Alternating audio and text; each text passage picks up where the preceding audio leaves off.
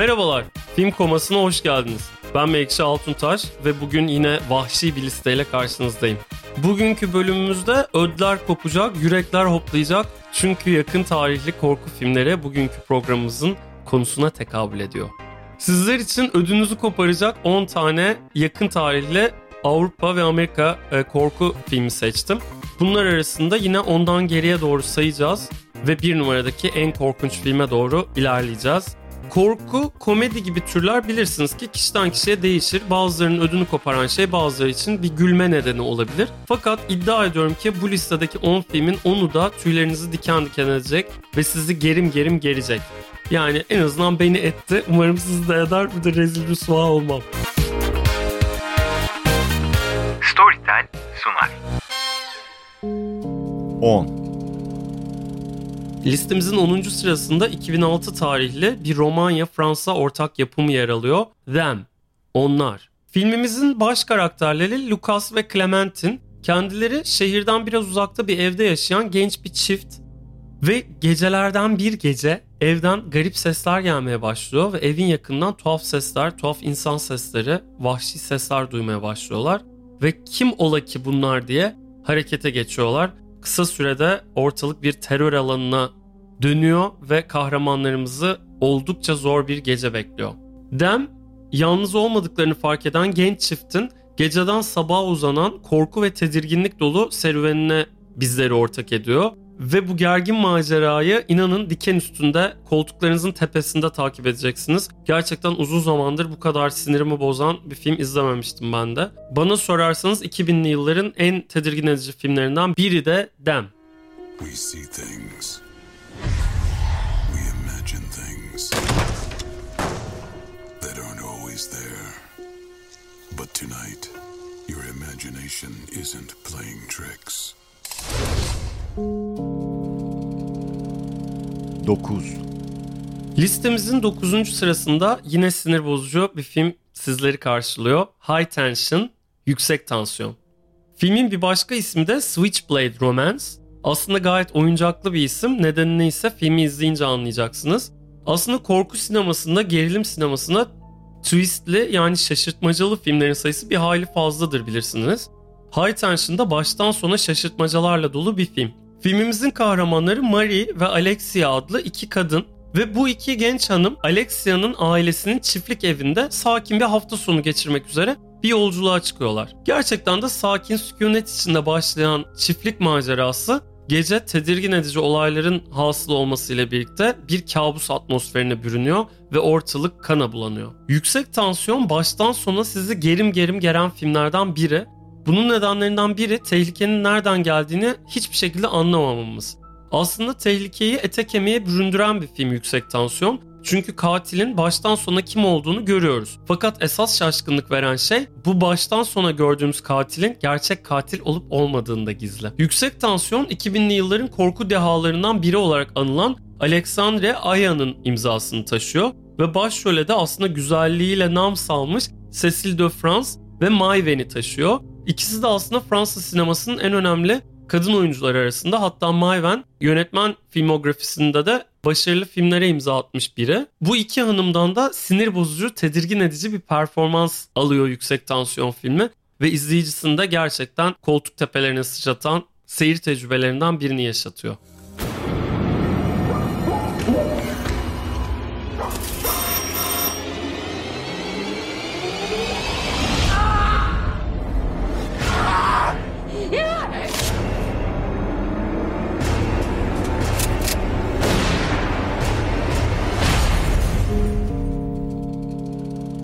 Sekiz.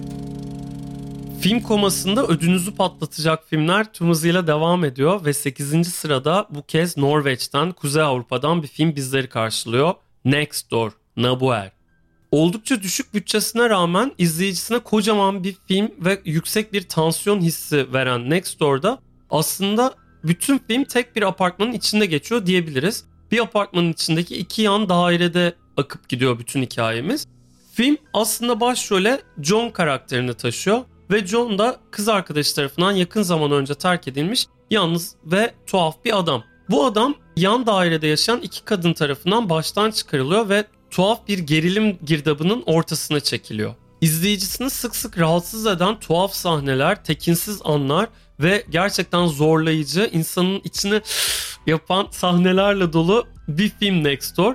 Ve aslında seyir tecrübesi olarak da izleyicisinin yakasından bir an bile düşmeyen, sürekli boğazını sıkan bir seyir tecrübesi yaratıyor. İnanılmaz bir senaryo matematiğine sahip bir film Next Door. Bu nedenle de 75 dakikalık süresi gerçekten bir 5 dakika gibi akıp geçiyor izleyicinin gözünün önünden. Sadece geriye çok sinir bozucu bir film izleme tecrübesi kalıyor. Gerçekten bu filmden sonra masaja falan ihtiyacınız olabilir. Çünkü omuzlarınız, boynunuz falan inanılmaz gerilecek diye tahmin ediyorum. Filmi yönetmen koltuğunda Paul Salotin oturuyor. Ee, umarım da böyle telaffuz ediliyordur. Çünkü yani e, sürpriz olmayacak şekilde Norveççem yok. E, Paul Salotin olduğunu umduğum kişi e, Baby Call adlı bir başka korku gerilim harikasına daha imza attı daha sonraki yıllarda. Next Door'da kendisinin öncül iyi filmlerinden biri 2005 tarihli ve bana sorarsanız 21. yüzyılın en iyi korku gerilim filmlerinden biri. Son bir not, filmi Next Door diye aratıp bulamayanlar olursa Nabo Er olarak yazabilirsiniz. Filmin Norveççe ismi bu. Zaten sonuna 2005'de yazarsanız film karşınıza çıkacaktır diye tahmin ediyorum.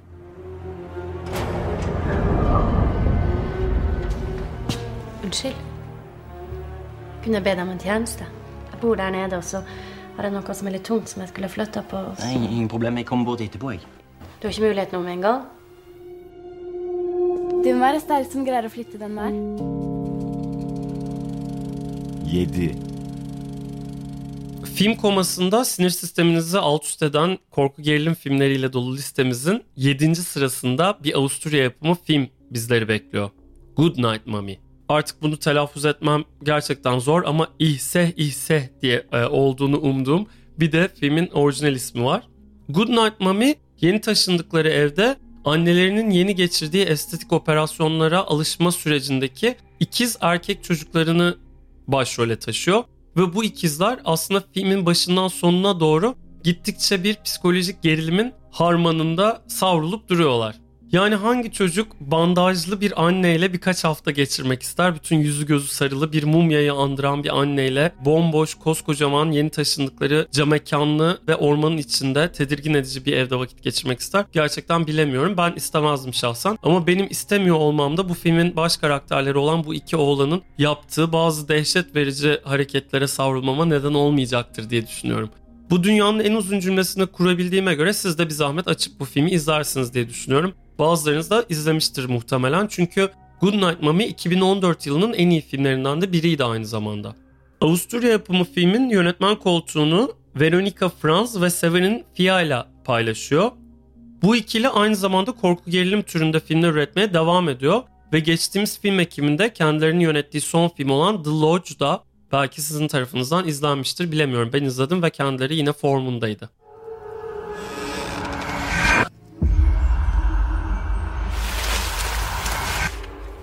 Wer ist das? Du bist nicht unsere Mama. Bitte komm zurück, Mama. Ich mache alles. Ich. Jetzt kann sie uns nicht mehr auseinanderhalten.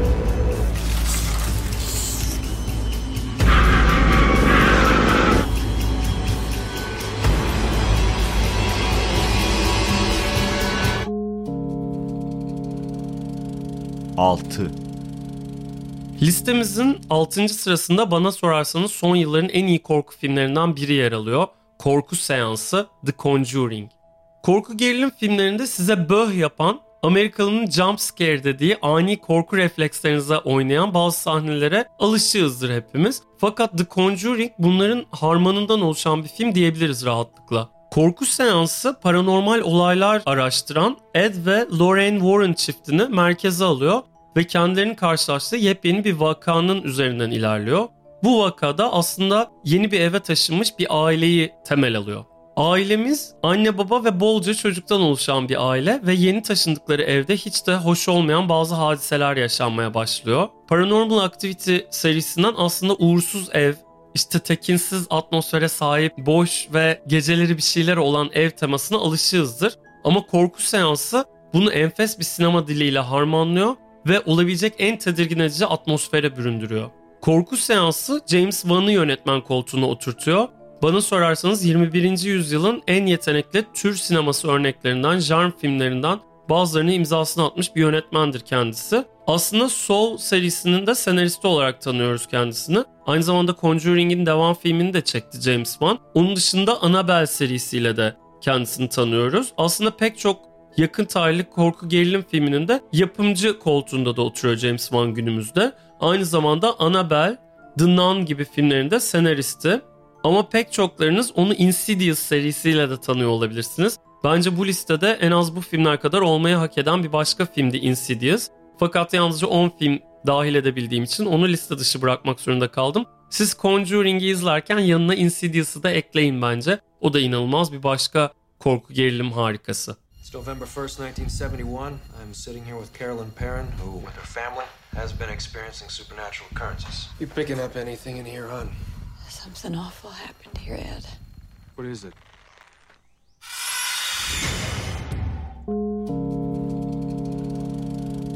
Beş.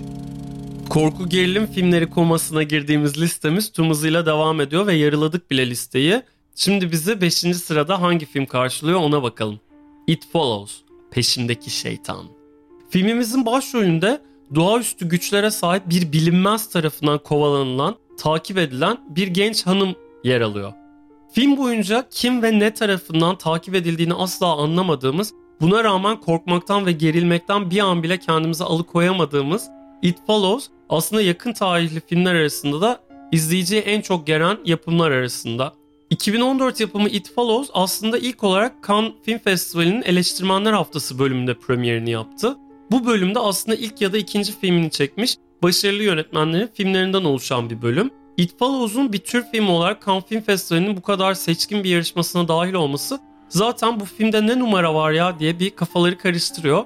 Filmi izleyince anlamak çok da güç değil. Çünkü It Follows gerçek anlamda bir tür sineması harikası. Hem 70'ler ve 80'li yıllardaki harika gerilim filmlerine gönderme yapıyor. Hem de müziklerinden görüntü tercihlerine kadar o dönemin ruhunu başarıyla yansıtıyor. Aynı zamanda da bugünden bir film olmayı başarıyor ve bugünün genç hipsterlarına da kendini iyi hissettirmeyi ihmal etmiyor.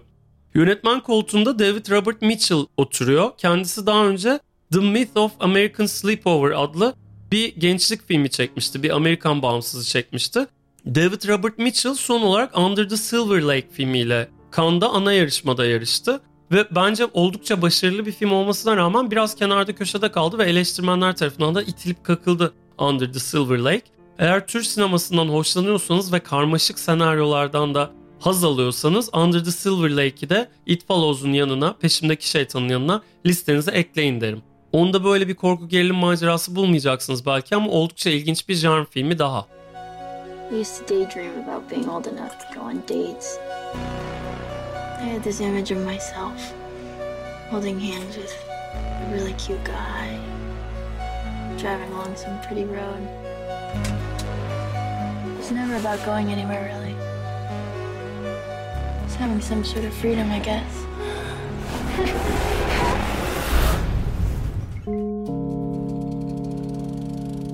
Dört.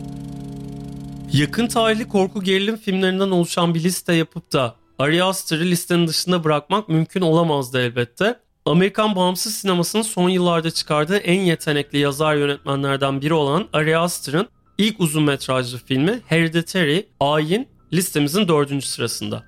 Başrollerde Tony Collette ve Gabriel Byrne gibi çok yetenekli ve artık yeteneğini yıllar yıllar önce ispat etmiş iki deneyimli aktörü bir araya getiren Hereditary, son yılların en sinir bozucu korku filmlerinden biri. Vakitsiz ve trajik bir kaybın yasını tutan bir ailenin hikayesini merkeze alan Ayin, her yeni 20 dakikada aslında bambaşka bir alt korku türüne göz kırpan bir atmosfere sahip.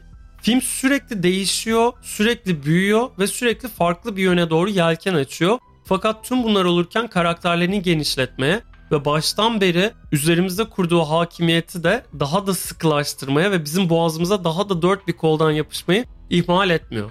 21. yüzyılın en iyi korku gerilim filmlerinden biri olması bir yana bence uzun zamandır gördüğümüz en iyi ilk filmlerden de biriydi Ayin. Çünkü bir yazar yönetmenin bu kadar çapaklarından arındırılmış ve bu kadar temiz bir ilk film ortaya koyduğu çok az örnek görüyoruz açıkçası günümüzde. Ayin kesinlikle bunlardan biri.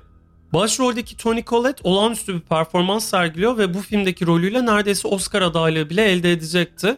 Fakat Oscar adaylığına kadar varmadı iş. Buna rağmen bir sürü ödül ve adaylığında sahibi oldu. Çünkü oldukça rahatsız edici, sinir bozucu ve sıra dışı bir performansa imza atıyor kendisi. Filmin sürpriz gelişmelerine dair ipucu vermemek için kendimi zor tutuyorum. O yüzden detayına çok fazla inmek istemiyorum ayinin. Fakat siz Ari Aster'ın yakasından düşmeyin ve hala izlemediyseniz kendisinin bir sonraki harika filmi Midsommar yani Ritüeli de muhakkak ıskalamayın. Çünkü o da en az ayin kadar tuhaf, sinir bozucu ve sıra dışı bir film. Bana sorarsanız bu listede ayinle yan yana koyabileceğimiz bir film ritüel. O da hem atmosferi hem de hikayesiyle oldukça sıra dışı. Özellikle son 20 dakikasıyla ise felç edici bir sinema tecrübesi.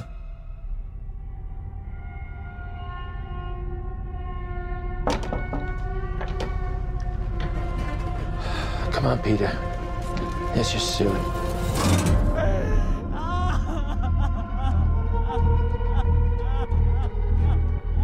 It's heartening to see so many strange new faces here today. I know my mom would be very touched and probably a little suspicious. My mother was a very secretive and private woman.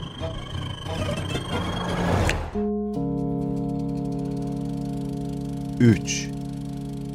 Film komasında öt koparan yakın tarihli korku gerilim filmleri listemizde ilk üçe geldi sıra. 3 numarada gerçek bir gönül çelen yer alıyor. Let the Right One In ya da bizdeki oyuncaklı Türkçe adıyla Gir Kanıma. Filme neden Türkçe isim olarak bir Harun Kolçak şarkısı seçilmiş bilmiyorum ama Gir Kanıma gerçekten birebir filmi karşılayan bir isim. Buradan filmin Türkiye dağıtımcısını tekrar tebrik ediyorum. İsveç sinemasının son dönemlerde çıkardığı en yetenekli yönetmenlerden biri olan Thomas Alfredson'un imzasını taşıyor Gir Kanıma. Ve başrole yalnız, itilmiş, arkadaşları tarafından dışlanmış ve zorbalık gören Oscar karakterini yerleştiriyor. Oscar kısa süre sonra tuhaf bir yan komşu olan Ellie ile tanışıyor. Bu küçük kız ve genç ergen bir maceraya atılıyor ve bu macera ilerledikçe de Ellie ile ilgili tuhaflıklar gün yüzüne çıkmaya başlıyor. Özellikle son 20 yılda bolca örneğini gördüğümüz ve tekrar küllerinden doğan vampir temasının belki de gördüğümüz en başarılı yakın tarihli örneklerinden biri Let the Right One'in. Hem vampir mitine ele alışındaki orijinallik hem de senaryosundaki diğer nüanslarla oldukça dikkat çekici bir film olması bir yana reji anlamında da aşırı derecede eli yüzü düzgün bir film Gir Kanıma.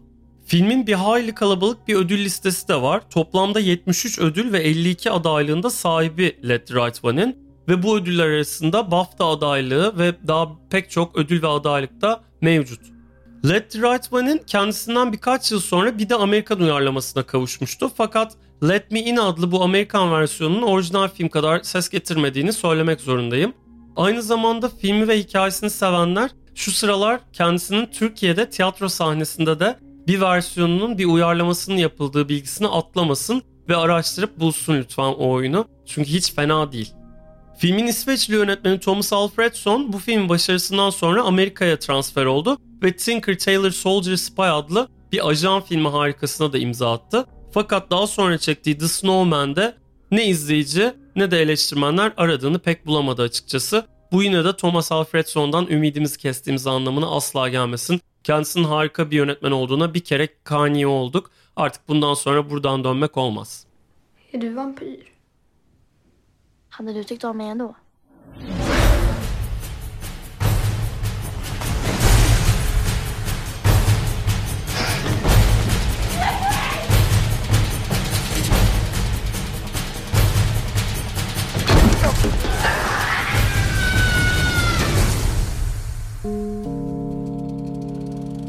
İki.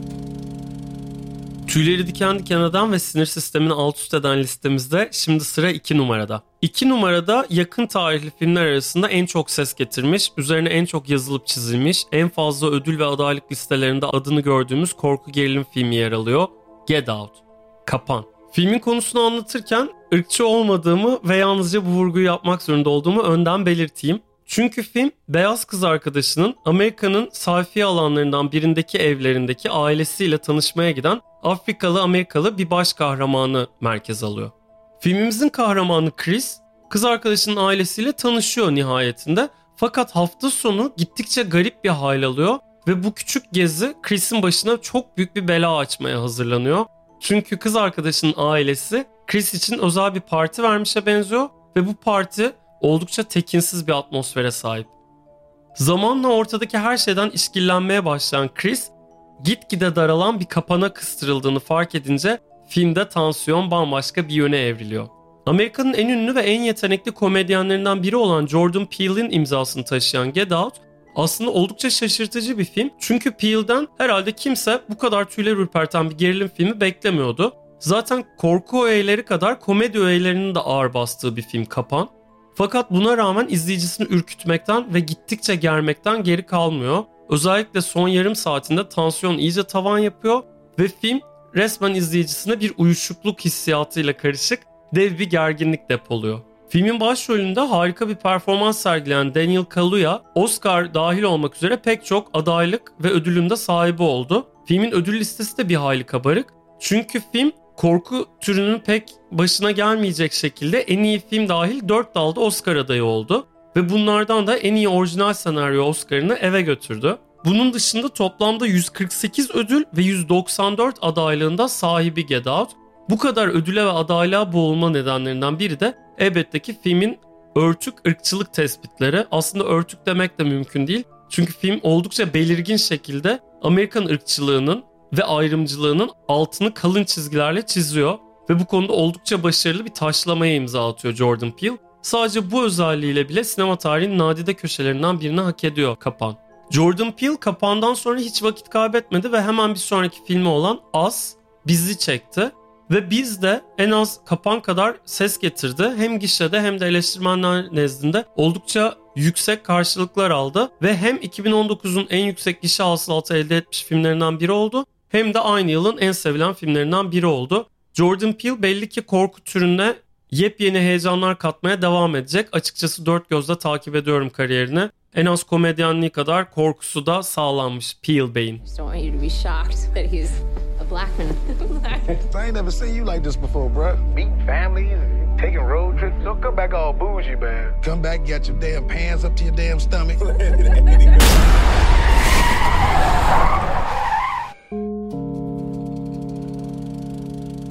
1. Film komasında öt koparan yakın tarihli korku gerilim filmleri arasındaki yolculuğumuz bir numarada son buluyor. Bir numara aynı zamanda listemizin en yakın tarihli, en yeni ve en heyecan verici filmine tekabül ediyor. The Lighthouse. Kendisi henüz Türkçe bir isme sahip değil çünkü kendisinin bir Türkiye dağıtımcısı bile yok. Fakat Türkiye'de film ekibinin ek gösterimlerinde izleyiciyle buluştu ve sonunda yerli izleyiciler de bu filme kavuştu çünkü film premierini yaptığı Venedik ve Toronto'dan beri açıkçası dev bir kulaktan kulağa haresiyle tüm dünyayı dolanıyordu. Türkiye'de o ülkelerden biri olacak mı olmayacak mı emin değildik. En sonunda bizde de bir gösterim fırsatı oldu. Ve bu nefis filme biz de kavuştuk Türkiye'li izleyiciler olarak. The Lighthouse Roger Eggers'ın imzasını taşıyor. Kim bu genç usta derseniz de The Witch adlı filminden kendisini belki hatırlayabilirsiniz. Aslında The Witch de bu listeyi şenlendirmesi gereken filmlerden biriydi. Fakat The Lighthouse'u anarken kendisinden zaten bahsederim diye düşündüm. Eğer The Witch'i de izlemediyseniz kesinlikle e, Robert Eggers'ın dünyasına hapsolmak için ve bu genç dahinin nasıl bir görsel ve işitsel matematik sevdalısı olduğunda öğrenmek için kesinlikle ıskalamayın The Witch'i de. The Lighthouse'un bu listenin de bir numarasına kurulmasının en önemli nedenlerinden biri kendisinin katıksız bir atmosfer harikası olması. Siyah beyaz sinematografisi ve kendine özgü ekran formatıyla izleyicisini zaten sıra dışı bir tecrübeye hazırlayan The Lighthouse, bir deniz fenerinde görev alan iki adamı merkeze alıyor. Deniz fenerindeki nöbette günler geçtikçe ikilinin psikolojisinde ciddi problemler yaşanmaya başlıyor ve ortalık tam anlamıyla birbirine giriyor. Deniz fenerinde görev alan Efraim ve Thomas karakterlerine film boyunca neredeyse kimse eşlik etmiyor diyebiliriz ve tüm film bu iki karakterin etrafında dolaşıyor aslında. Ve bu iki karaktere de William Defoe ve Robert Pattinson gibi iki yetenekli ve ünlü isim hayat veriyor. Robert Pattinson aslında Twilight gibi bir filmle adını milyonlarca insanın duyurmuş olmasına rağmen son dönem tercih ettiği filmlerle ne kadar başarılı bir kariyer yönetimine sahip olduğunu kanıtlıyor aslında. Pattinson'ın birkaç sezon önce izlediğimiz Good Time'da çıkardığı harika performansa tanık olanlar The Lighthouse'da da kendisiyle ilgili heyecanlanmaya hazırlansın. Çünkü Pattinson'ın kariyerinin belki de en iyi performansını verdiği film The Lighthouse. Robert Pattinson'ın canlandırdığı Ephraim karakteri gittikçe çığırından çıkmaya başladıkça filmde bambaşka bir tad alıyor. Ve şunu net bir biçimde söyleyebilirim ki bu filmi izledikten sonra martılar artık gözünüze eskisi gibi görünmeyebilir. Bunu hazırlanın. Ee, hayvan sevginizle ilgili e, biraz sinirler zorlanacak gibi bir his var içimde. İzleyicisini 1890'lı yıllara hapseden ve hipnotik ve neredeyse halüsinatif bir seyir tecrübesi yaratan The Lighthouse'u inşallah ilk fırsatta görmeyenler görür ve 2019'un bu belki de en iyi filmlerinden biri olan bu eşsiz tecrübeyi beyaz perdede tatma şansına erişir. Biz de film ekiminde bu filmi yakalamış şanslı azınlık olarak kalmayız böylece. Çünkü bu film gerçekten geniş kitlelerce keşfedilmeyi hak ediyor. Film gerçekten de her nabza göre şerbet veren filmlerden biri değil. Yani bunu standart korku gerilim filmlerinden biri gibi düşünmeyin. Çünkü izleyiciyi gerçekten zorlayan, gittikçe tedirgin eden ve seyir tecrübesinde de asla rahat bırakmayan bir film. Fakat bu yönüyle de zaten ilgiye değer bir film olduğunu başta da söylemiştim.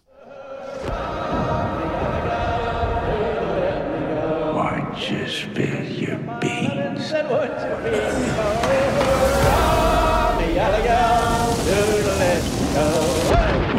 us spill your beans.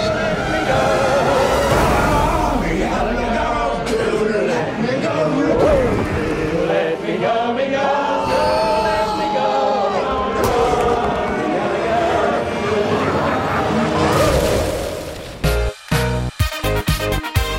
Sizleri son 15 yılın korku gerilim filmleri arasında bir yolculuğa çıkardım sanırım bu listede. Umarım içlerinde izlemediğiniz filmler vardır ve bu liste bittikten sonra da not aldığınız filmleri açıp uygun kaynaklardan bulup izlersiniz. Çünkü hepsi görülmeye değer ve hepsi de tırnaklarınızı köküne kadar yedirmeyi kendisine misyon edinmiş filmler.